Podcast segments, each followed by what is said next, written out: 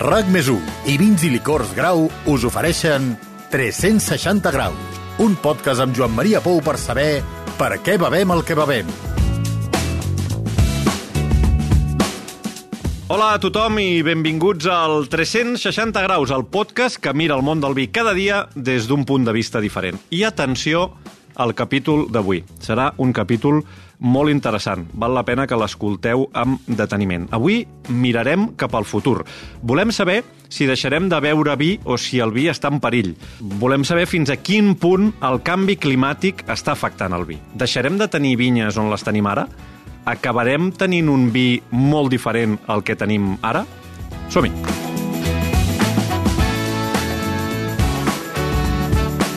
Eh, per saber què passarà d'aquí uns anys, d'aquí unes dècades, fins i tot d'aquí un segle, per què no? Per mirar cap al futur amb coneixement de causa, hem eh, convidat a dues persones eh, sàvies en la seva matèria. Tenim segurament el savi més savi de tots els savis a casa nostra pel que fa als vins. Segurament té el celler més gran de tot eh, Catalunya, és coneixedor de totes les varietats, anyades, ampolles d'aquí, d'allà i del més eh, enllà.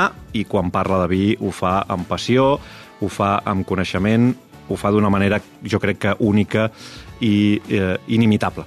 Parlo, evidentment, del, del Josep eh, Roca. Josep, benvingut. Encantat, un plaer estar aquí. Gràcies per ser nosaltres al 360 graus. I per l'altra banda, doncs, també volem parlar de canvi climàtic, de clima, de tempestes, de sequeres, de gelades, eh, i per això hem volgut que ens acompanyi la cap de meteorologia de rac la Mònica Usar. Hola, Mònica, benvinguda. Hola, moltes gràcies. Ja veureu que la combinació dels dos eh, ens servirà per entendre una mica on som i cap a on eh, anem. Eh, Catalunya, terra indiscutiblement vinícola, eh, estarem obligats a deixar de fer vins a casa nostra en un termini relativament curt de temps per culpa del clima, Mònica? Clar, ara decidic que sí s'acaba el podcast aquí, no? no, no, no, no. No, no, no, no. Jo crec que no anem cap aquí, sinó cap a un canvi. Eh, ens hem d'intentar adaptar a aquesta nova situació. És a dir, ens canvien les condicions que ens envolten, per tant nosaltres hem de ser capaços de sobreposar-nos a aquesta situació i buscar la solució per continuar fent vins, continuar fent els vins que volem i que siguin de qualitat i aleshores buscar quines són les alternatives que tenim dins el nostre país per no haver de marxar d'aquí per poder fer un bon vi. A veure si sóc capaç de formular aquesta pregunta, Mònica. És a dir, si ara no es fes res, diguéssim, si no es fer res sí. des d'un punt de vista de, per intentar que el canvi climàtic no vagi mm -hmm. més, etc. D'emissions, per exemple, si no deixem d'emetre. etc. Mm -hmm. sí que arribaria un moment que les condicions a casa nostra serien impossibles. Clar, si tu t'imagines, no? si t'imagines les vinyes on les tens ara, sí, Clar. Aleshores, aquí és on està la clau. Hauries de posar vinyes al Pirineu, per entendre'ns. Exacte, que és una cosa que ja s'està fent. És a dir, tu el que has d'intentar, perquè la temperatura va pujant, sí? Per tant, de quina manera pots evitar aquesta pujada de les temperatures? Eh, que els, que els ceps no rebin aquesta pujada. De dues maneres. La primera, buscar altitud, perquè així tens més fred, o buscar latituds més altes, que llavors sí que ja ens n'anem cap a altres països d'Europa que, que s'estan fregant les mans ara mateix perquè se'ls hi obre un camp que fins ara no tenien. No? Per tant, aquí el que buscaríem seria uh, altitud, perquè la temperatura és el problema principal, perquè també tenim la precipitació, és a dir, la temperatura va pujant, això és indiscutible, però també anem cap a més èpoques de sequera, per exemple, no? i aquí tenim un altre factor que, que ens afectaria. Llavors, hem d'intentar equilibrar aquestes dues coses i trobar un entorn on puguem sobreviure amb això. I llavors, no només això, sinó que, a més a més, hem de buscar continuar tenint els vins que tenim ara, perquè tu podries tenir uh, uns vins que no tinguin una certa qualitat a tot arreu, no? però tu busques unes característiques, unes aromes, no? Un, una graduació, i això ho tindries buscant aquest entorn que, que tens fins ara. Què, què et desperta, Josep, la sensació que, que ho rectifiquem o, o s'haurà de canviar molt del, del que fem ara al voltant del món del vi? Bé, té un sentit de, de lògica, de coherència, d'interpretació de què és la lectura del paisatge, de veure aquest moviment que sabem que va a un escalfament, que, que sabem què ens hem de plantejar quan pugi un grau, dos graus, tres graus, cinc graus, fins a sis graus, que hi ha estudiosos que estan ja plantejant quina és la vida d'Europa d'aquí quan tinguem això, sis graus més però ja amb dos graus ja és dramàtic, de manera que hem de pensar que abans del 2050 hi ha d'haver moltíssima reacció i que avui la gent que està treballant la terra, està fent vi, ha de plantejar-se també com deixar aquesta terra i aquesta mirada per les, per les properes generacions, de manera que ja és una alarma urgent, una necessitat de canvi, de reinterpretació, d'observació, i en el que saps que hi ha una extralimitació ecològica i saps que aquest agrobusiness industrial, d'alguna manera, més tot el que representa el desenvolupament en general, ens ha portat a una situació en la que no hi ha marxa enrere i cal reactivar. I cal reactivar, canvis en diferents camps, en diferents vies, i crec que tota la gent que està avui treballant la Terra ho està veient, de manera que mm. ja no és només que s'avancin 15 dies els dies de barema eh, d'una manera ja molt clara, sinó que hi ha altres eh, neguits que són més forts. No? Com per exemple? Bé, la sequera, no hi ha aigua, molts llocs tenen molta set, prioritat T7, no? Uh, aquí a l'Empordà just uh, aquestes setmanes hem rebut un, un bany d'aigua uh, molt, molt agraït per moltíssima gent, però requereix també una mirada sobre, sobre aquests contrastos tan beneits, no? aquesta situació nova també per les vinyes, no? aquesta, aquesta mirada de contemplar la natura en la que veus que que hi ha situacions estranyíssimes com que la flor del raïm, que és petiteta, però que, que és aquell punt abans de collar o de conformar un fruit, eh, es crema directament. O sigui, flors de vinya cremades, que no s'havien vist mai, no?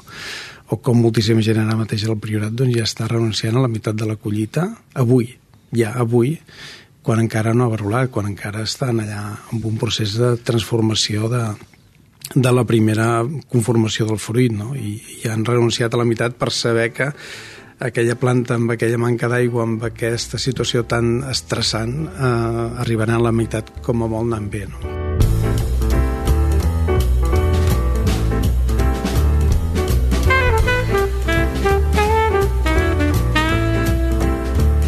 ha parlat d'un concepte que a mi em sembla molt interessant també, que és aquest del, del contrast, no? Mm -hmm. eh, jo tinc aquesta sensació, tu tens el coneixement, no?, que sequera, sí. i de cop i volta plou a bots i barrals, rieres desbordades, mm. eh, conreus que se'n van a prendre pel sac per anar en plata, eh, pedregada, pedres com una pilota de tennis, sí. després sequera.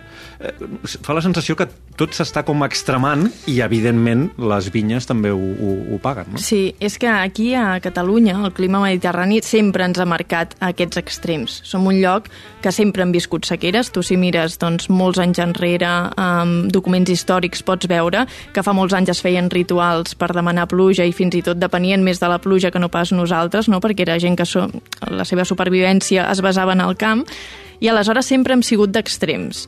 Però amb els informes del canvi climàtic es veu que aquests dos extrems, sequera i pluges torrencials, s'allunyaran és a dir, quan arribin sequeres seran més llargues i seran més dures i quan arribin pluges torrencials ens deixaran encara més aigua i més desperfectes. Per tant, aquí anem a una situació en què hem de trobar les solucions, hem d'adaptar també, perquè al final la clau de l'èxit, quan dius deixem de produir no, eh, vi en una certa zona, doncs ens hem d'adaptar per, perquè això no passi. Anem a buscar com podríem produir aquest vi en unes altres zones perquè la clau de l'èxit davant del canvi climàtic acaba sent l'adaptació a aquest, a aquest nou paradigma. No? I no només de, de les vinyes, sinó qualsevol altre tipus de cultiu. Si nosaltres volem eh, d'aquí 50 anys continuar consumint qualsevol producte de casa nostra, hem de treballar per noves varietats que es puguin adaptar a aquestes noves condicions, perquè si no ho fem, llavors serà un fracàs. Però ho hem de fer en paral·lel amb pal·liar el canvi climàtic. És a dir, tu no pots dir, vinga, ara comencem a regar les vinyes. Home, si estem en sequera, saps? La vinya és molt resistent a la falta d'aigua, però, però tampoc la podem regar perquè no tenim aigua, no? Llavors aquí hem de trobar el sistema per, per fer-ho. Clar, és molt interessant això, perquè clar, ho podem mirar des de dos punts de vista, o s'ha de mirar des de dos punts de vista. No? El punt de vista de, escolteu, hauríem de reaccionar perquè si no els nostres paisatges canviaran radicalment i hi ha una part de la nostra cultura que desapareixerà directament, però com bé dius, també és realista dir, sí, sí, però mentre intentem frenar això, si jo vull continuar guanyant-me la vida fent vi eh, me n'he d'anar d'allà on sóc, no? I he de començar a pensar en fer-ne en un altre lloc, no? O no? No ho veig tan així, no, no ho veig tan dramàtic com un trasllat, eh? com, una, com una idea de, de, de mutació o de, de ser vinyarons errants, no. Jo el que, el que veig és que hi ha primer una reflexió profunda de què hem fet fins ara, què ha passat els últims 120 anys, eh, com hem desenvolupat una agricultura que abans era col·laborativa, que abans estava embarcada amb el policultiu, i com d'alguna manera doncs, s'ha doncs, convertit en una cultura antiga, que és l'agricultura, però extractiva i poc col·laborativa amb el sistema de, de raonament de biodiversitat. No? I crec que aquest és el primer pas que han de fer, en aquest cas, la gent que està vinculada a un monocultiu, que és interpretar si aquest monocultiu té sentit avui, si té sentit per al futur, si això ja ho podem arreglar ja avui, no deixar-ho per la següent generació i entendre que hi ha d'haver una part eh, molt més eh, vinculada a reactivar la vida del subsol, a descompactar el terreny, a reequilibrar tot allò que hem fet malament en els últims 100 anys que ha tingut a veure amb la indústria, amb la mecanització de l'agricultura, amb l'èxode rural també, que va fer que molta gent marxés del camp perquè no sortia a compte, i com s'ha empobrit el subsol, com s'ha carregat la microfauna i com hem de tornar a reequilibrar aquesta vida del subsol. No? I, en definitiva, entendre que aquests microbis són importantíssims per descompactar el terreny que hi ha vies vinculades ara a l'agricultura regenerativa, que hi ha una idea de, de no posar material pesant i tampoc de posar-hi pesticides, eh, productes de síntesi que també han destrossat el pH del subsol i que tot això es pot fer ja i que encara no es fa. Crec que hi ha molta feina per fer des del punt de vista de, de la mirada que durant molt de temps i sobretot els últims 100 anys ha estat vinculada a un concepte d'enologia en la que hem buscat materials d'ajuda, materials d'ajuda entre cometes, que han empastifat sí. el terreny i que ara necessitem doncs, alliberar, eh, enriquir i, en definitiva, carregar de molta més energia del que hi havia fins ara. No? De manera que abans de pensar en canviar de vinyes cap a un lloc més alt, és què podem fer en les que ja tenim aquí, no? I tu creus pel teu coneixement que hi ha una certa consciència en el món del vi ja d'aquesta realitat? Sí, absolutament, sí. sí, perquè és que a més eh, jo em dedico a servir ampolles de vi en un restaurant, però visito molts cellers arreu del món i, i ara fa poc doncs, doncs bé, estic molt, molt preocupat per molta gent que està patint perquè, perquè els hi va eh, la subsistència econòmica. I en el que tot aquest eh, procés dramàtic, traumàtic, sobre el que representa no només la contemplació d'una planta, sinó com també tot això està creant eh, plagues, plagues que, que sabem des del senglar, el cabirol, el conill, eh, gent, o sigui, animals que també tenen set, que també busquen aigua i que la busquen on sigui. I la vinya d'alguna manera doncs, també, també el raïm té, té aigua, no? i en definitiva doncs, també és un, és un dels elements que provoca aquest canvi, canvi realment de, de paradigma en el món de, de la natura. No? Tu creus que hi ha aquesta consciència eh, de que això, està, estan, estan passant coses que, sí. que afecten, diguéssim, a tots els, els àmbits de la nostra, sí, de la nostra cultura? jo crec que la gent que no tenim consciència som els que no ens dediquem a aquest món del camp, perquè sempre anem parlant de canvi climàtic futur, no? D'això que passarà l'any 2030, 2050, però si tu mires ara mateix les gràfiques de com ha evolucionat la temperatura o del que ha passat a dins del món del camp, eh, ja veus que el canvi ja hi és, ja no cal esperar, no cal pensar què faràs en un futur, la solució l'has de trobar ara mateix. A més a més, si mires les projeccions que hi havia de canvi climàtic de cara a l'any 2020, veus que les hem superat és a dir, que aquest canvi està anant molt més ràpid del que esperàvem.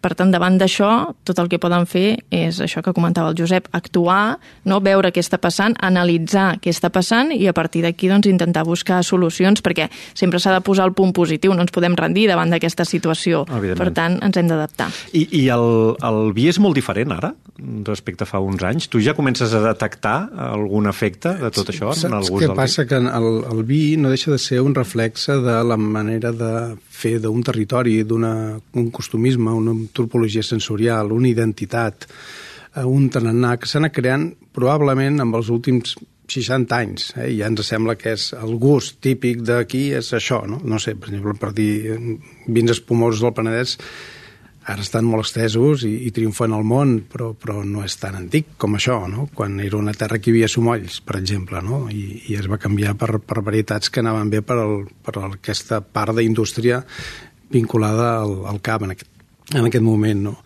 Però no, jo crec que, que hi, ha, hi ha mirades molt diferents eh? i en aquest sentit doncs, hi, ha molt, hi ha molt a dir, hi ha molt, molt a fer i, i crec que no tenim, no tenim una, una veritat absoluta, però hi ha, hi ha avui una recerca de la frescor, hi ha una certa idea sobre la lleugeresa, sobre evitar els maquillatges que a vegades tenen a veure amb materials d'ajuda, però a vegades també amb aquells abrics, eh? els abrics amb els que es posa el vi, aquells contenidors que siguin bota, bota nova, bota més gran, bota més fudres, tines grans, tines velles. Eh, ara doncs hi ha tot un moviment eh, vinculat a l'idea de la terrissa, de, de, la, de les gerres de fang, allò que és connexió com es feia el vi fa 8.000 anys, el desaprendre també avui està de moda, no? l'acadèmia i el desaprendre de l'acadèmia el descobriment d'una mirada més intuïtiva, menys eh, racional, eh, menys industrial. D'alguna manera, la tendència avui del vi és estar al màxim proper a la fruita, eh, buscant la intensitat, la naturalitat i l'energia, que, que és una cosa que és abstracta, però que té a veure amb el màxim proper a la vida del subsol, transmutada amb un gotim, amb un gest, d'aquests 500 gestos que hi ha per fer vi, vinculats a, a la idea d'una certa idea de, de puresa, de transparència, que avui ja no és eh, fisiològica, no és mm. transparència de mi un vi transparent, sinó una transparència filosòfica.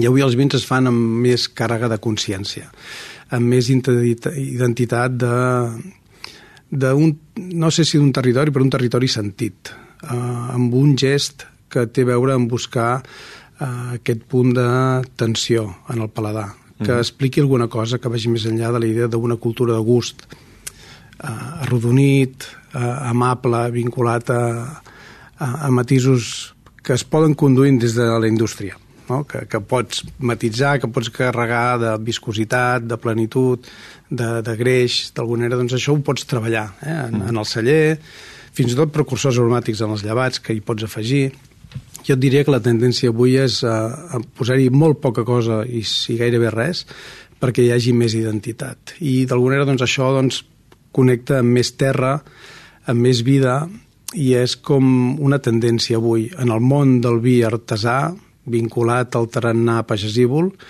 que ha de prioritzar la nostra mirada i el nostre consum. Eh? I, en definitiva, això amb la via del, del vi artesanal, del uh -huh. vi en acústic, eh? i el vi de, de, de gran indústria o d'empreses de, que fan empreses que tenen molts milions de litres, probablement doncs, han de fer aquest camí eh, amb altres paràmetres que tenen a veure amb, amb recerca, són els que tenen més diners, amb recerca en varietats eh, resistents, amb recerca amb, amb nous clons que permetin també una maduresa a temps més llarg, cicles més llargs de la vinya, probablement també no només més resistent, sinó també fer una, un treball sobre energies renovables, sobre la reducció d'emissions de CO2 en tots els processos, tot allò que té a veure amb les energies renovables, tot allò que té a veure amb els materials de tractors elèctrics que també estan entrant a la vinya. Probablement aviat també es faran cirurgies de, de treball de precisió amb drons per tractaments i coneixement de què està passant. La intel·ligència artificial ja arriba també al camp sobre com evitar plagues o fins i tot aromes, de com detectar amb drons aromes vinculats a malalties que es pot preveure abans abans teníem lo dels rosers que permetien doncs, que, que tenien un roser a la vinya i veien quan es vencia la rosa doncs, veies que hi venia una malaltia aviat. No? Doncs ara tot això amb la intel·ligència artificial doncs, també està fent doncs, que grans empreses puguin fer treballs de recerca realment molt potents sobre aquest camí, per exemple. No? Què et sembla? Si n'hi ha de, ah, sí, sí. Si n'hi ha de, no, de solucions... és un plaer. Si n'hi ha sí, de sí. solucions a, a curt termini. I al final és una mica tornar també als orígens, no? el respecte aquest cap a la terra, i no només en aquest sentit en el món de, del vi o del camp, sinó que quan ens ve un gran aiguat i hi ha una riuada i s'endú per davant, eh, per exemple, el celler Marrender, que es va endur per davant de, de l'Espluga de Francolí, eh, te n'adones que hem de tenir molt respecte per, per la natura perquè al final si no se'ns endú per per davant, sigui no tenint cultius, sigui emportant-se per, per davant construccions, o si parlem, per exemple, de l'augment del nivell del mar, tenim vies de tren fetes a primera línia de mar que també se les acabarà cruspint al mar, no? com si diguéssim. Per tant, tot se'n va cap al mateix punt, que és tenir un respecte cap a la terra no? i, i tornar-li una miqueta tot el mal que nosaltres li hem fet, no? tornar enrere i començar a tenir aquest punt de respecte. Abans comentaves, eh, Mònica, sobre mm. les, les plantacions amb alçada, és, sí. que, és, que és una tendència, és una tendència mm -hmm. al món. Uh, també hi ha aquesta part de les muntanyes, amb les obagues, que també són, són situacions que abans uh, els, no es plantava vinya cara nord i ara doncs, també en els llocs, per exemple, Priorat o altres zones muntanyoses doncs, que, que, o de, bueno, de mitja, ja, mitja muntanya com tenim en, en el prelitoral doncs es busca aquesta cara una miqueta més, eh, més d'obaga que, que bé, que és una nova realitat també. El que també observo és que quan es va a alçades es busquen millors condicions de temperatura de mitjana, uh mhm. -huh però també la tempesta és més ferotge. És possible, això? És possible, sí, perquè normalment les zones que tenen més relleu, que tenen més orografia, és més fàcil que es formin tempestes. Llavors, és veritat que en zones muntanyoses és més probable que es formin tempestes. I tenim l'estudi de la temperatura molt ben fet, no?, amb el tema del canvi climàtic, però la pluja no la tenim tan ben perimetrada i aleshores això és un problema a l'hora de buscar, no? perquè tu soluciones temperatura però pot ser que per una altra banda tinguis algun altre problema. És cert també que la zona on hi ha vinyes ara mateix o on hi ha molts cultius de Catalunya són zones que també és molt fàcil que es formin tempestes. Per tant, el tema de pedregada és un risc que, que tens per tot arreu, una miqueta. De fet, amb el canvi climàtic el que estem observant és que cada vegada els, els, la gent del món del vi pateix més aquell moment de, de l'inici del brot amb les glaçades, no? i després el pic de l'estiu ple d'agost amb, amb les calamarsades. No? D'alguna manera, doncs, el que hi ha ara és aquesta impotència més uh, evident que mai, no? que la natura sempre et posa a lloc, no? i que hi ha una indefensió cada vegada més neguitosa per la gent que es guanya les garrofes o es guanya sí. el, els gotims. No? Sí, perquè tot, a, tot aquest tema que dèiem abans dels extrems, no? que tu com a persona et pot eh, doncs, portar certs problemes a casa de no tinc aigua perquè hi ha sequera o de avui se'ns inunda un carrer perquè plou amb força, jo crec que la gent de, del món del camp són els que ho pateixen més perquè els hi va el pa de cada dia, no? Mhm. cosa que la resta doncs, podem parlar molt, però les conseqüències les reben sempre els mateixos.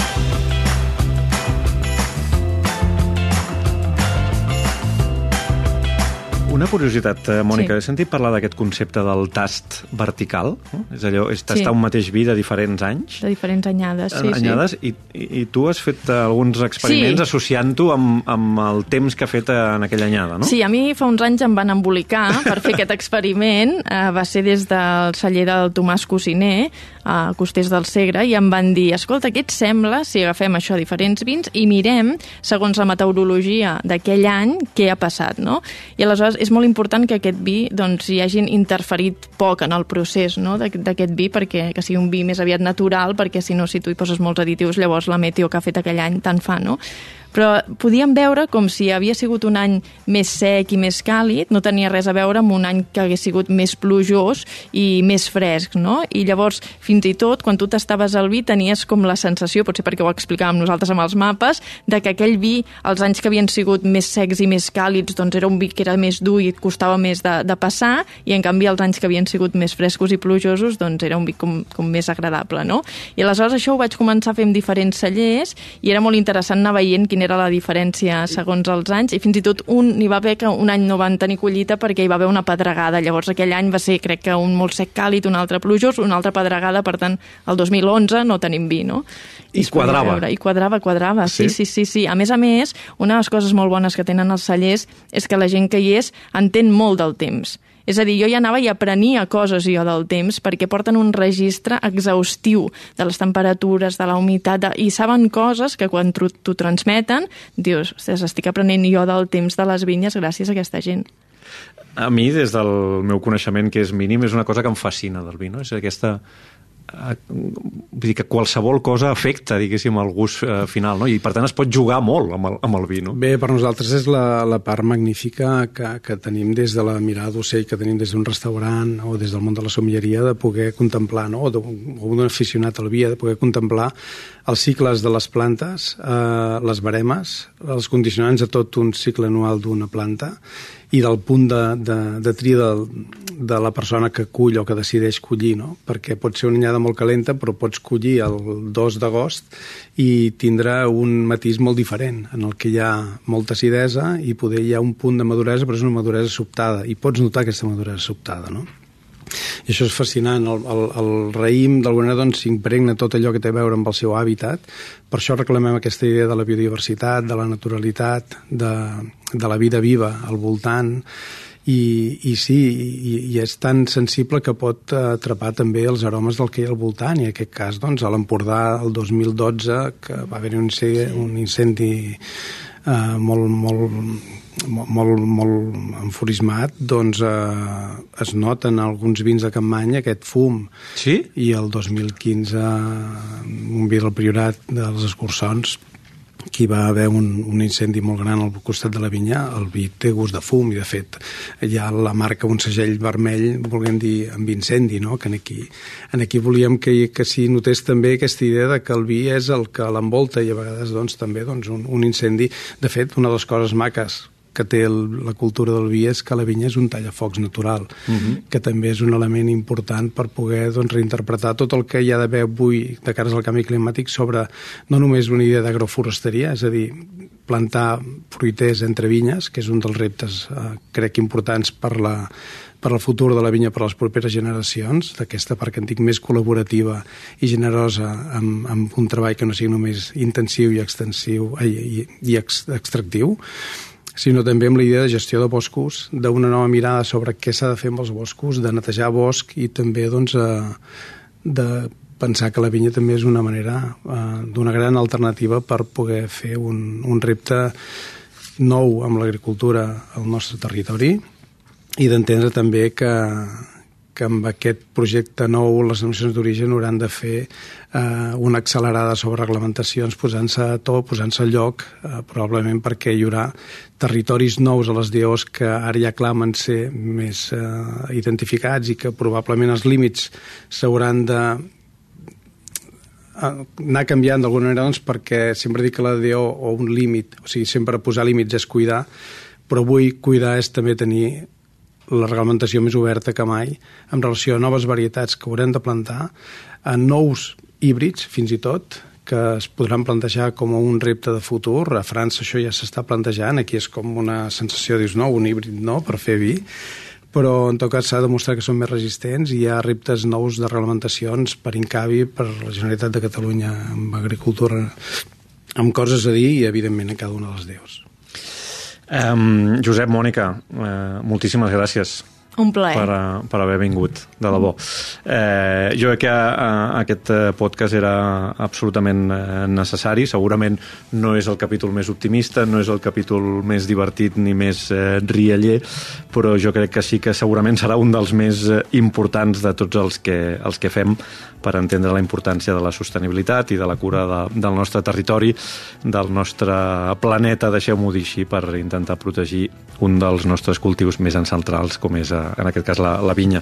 Reflexions interessantíssimes i el que és més interessant, solucions a, a curt termini per intentar eh, que això no vagi a, a més gràcies al, al Josep Roca i a la Mònica Usar. Moltíssimes gràcies, fins la propera. Que vagi bé. Un plaer.